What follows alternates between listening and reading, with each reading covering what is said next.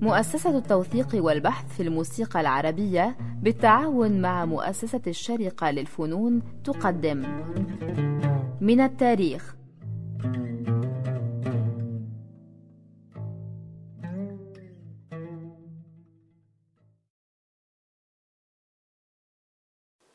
محي الدين بعيون. كنا قد تحدثنا في الحلقة السابقة من هذا البرنامج عن جزء من سيرة حياة محي الدين بعيون. وقد ركزنا الحديث عن الغناء عند محي الدين. في هذه الحلقة نتناول محي الدين بعيون كعازف على آلة الطنبور البغدادي المعروفة في زماننا بالبزق. يبدو أن آلة الطنبور كانت دارجة الاستخدام في قطاع كبير من بر الشام أكثر من بري مصر والعراق.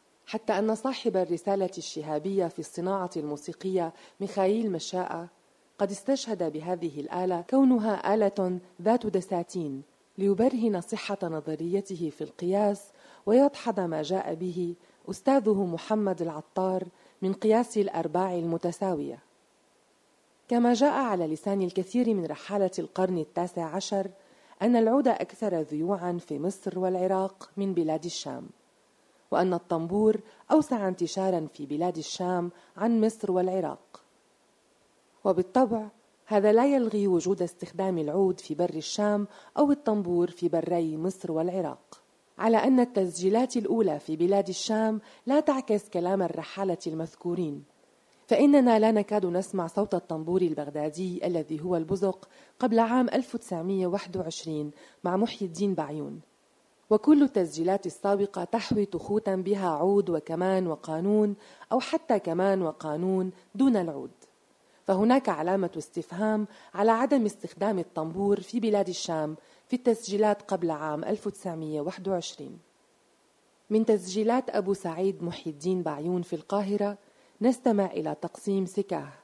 والتسجيل على وجه واحد قياس 27 سنتيمتر لشركة بيضافون التي احتكرت التسجيل لمحي الدين منذ هذا التاريخ. التسجيل يحمل رقم بي شرطة صفر ثمانية اثنين سبعة صفر ثلاثة. يرجى ملاحظة مقدم الأسطوانة وهو يقول طنبوري محي الدين. طنبوري محي الدين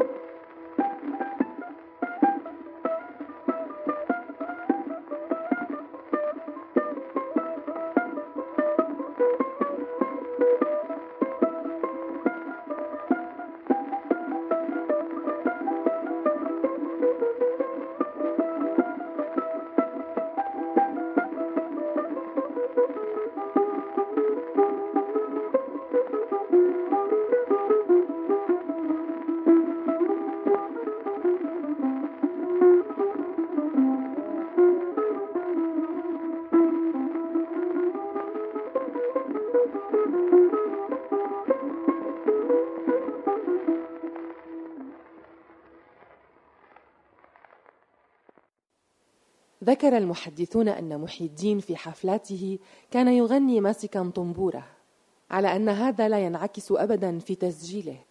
فالتسجيل الوحيد الذي به غناء محي الدين وعزف في نفس الوقت لا يحوي حتى مصاحبة لنفسه إنما عزف فغناء فعزف.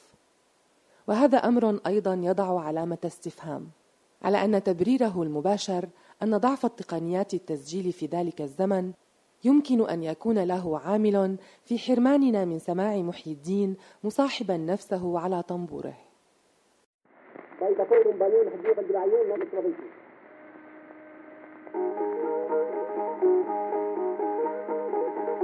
يا روحي على إبراهيم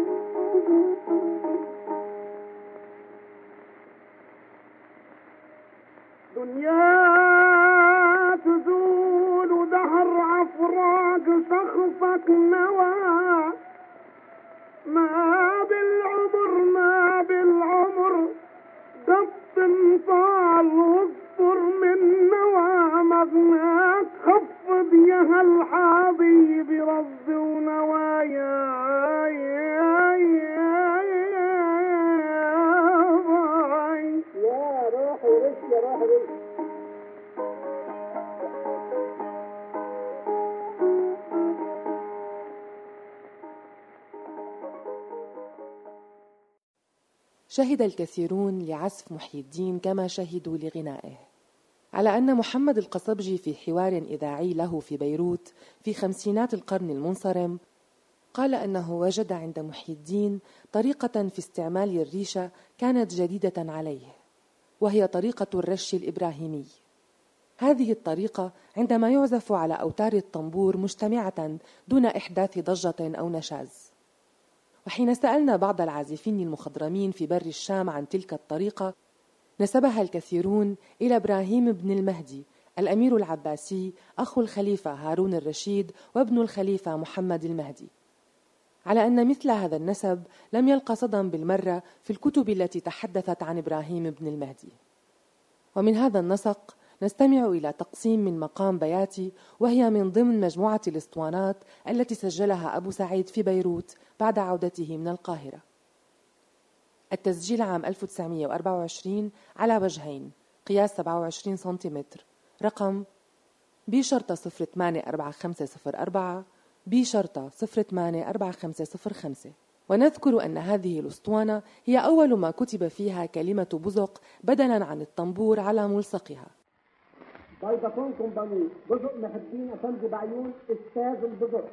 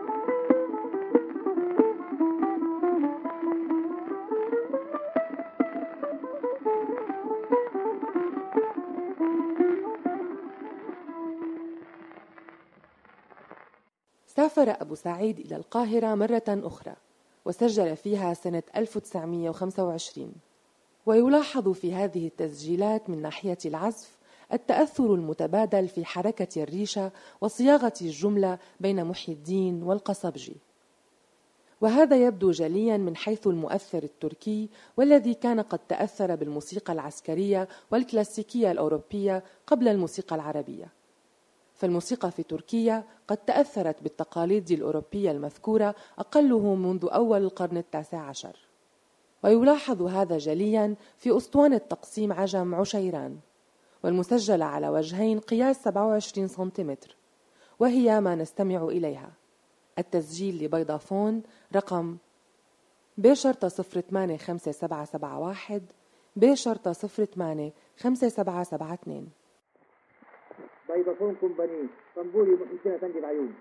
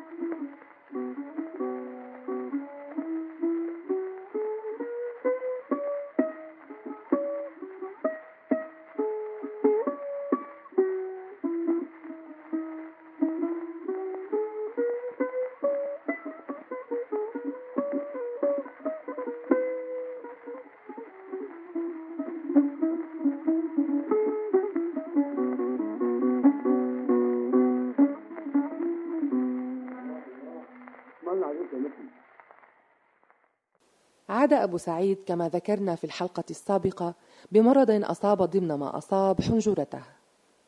فتوقف محي الدين عن الغناء ويقال أنه قد أصيب بنوبة إحباط لازمته حتى وفاته. على أن مستمعي محي الدين لم يتركوه بل أصروا عليه أن يستمر في إنتاج النغم حتى لو منعه المرض عن الغناء فأقام العديد من الحفلات على طنبوره. وسجل العديد من الأسطوانات بطريقة تسجيل معاصرة آنذاك وهي التحميض على الكهرباء. كان ذلك يعطي نقاء أكثر في الصوت. من هذه التسجيلات نستمع إلى تقسيم في مقام سكاه على وجهين قياس 25 سنتيمتر وبالطبع لشركة بيضافون رقم ب شرطة 090711 ب شرطة 090712 حوالي عام 1928 الصناعة فودافون بعيون.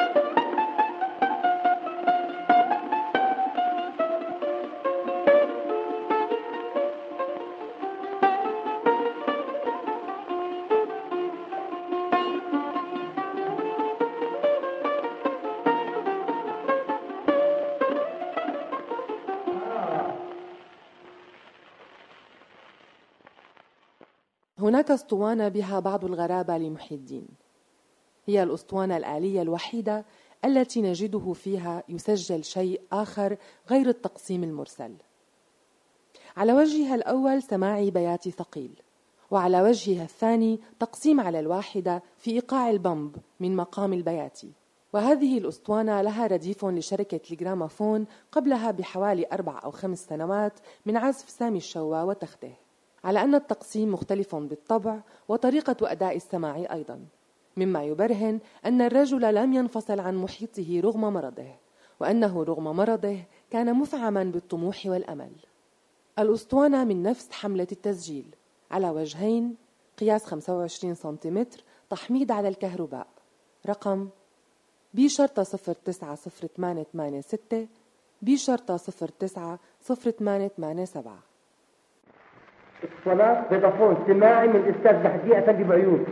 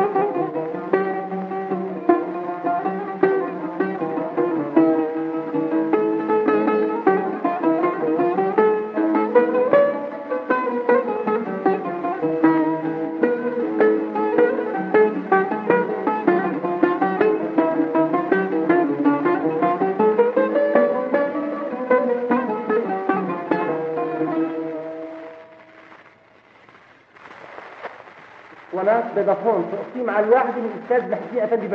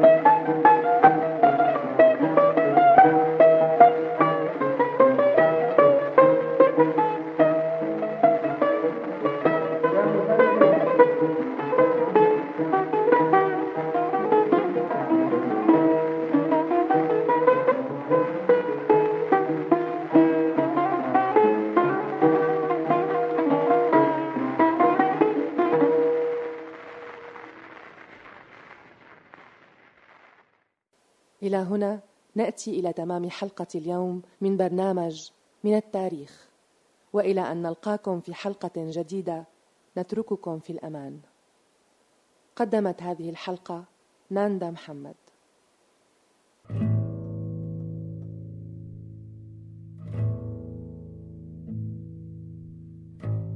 من التاريخ. فكرة وإعداد مصطفى سعيد.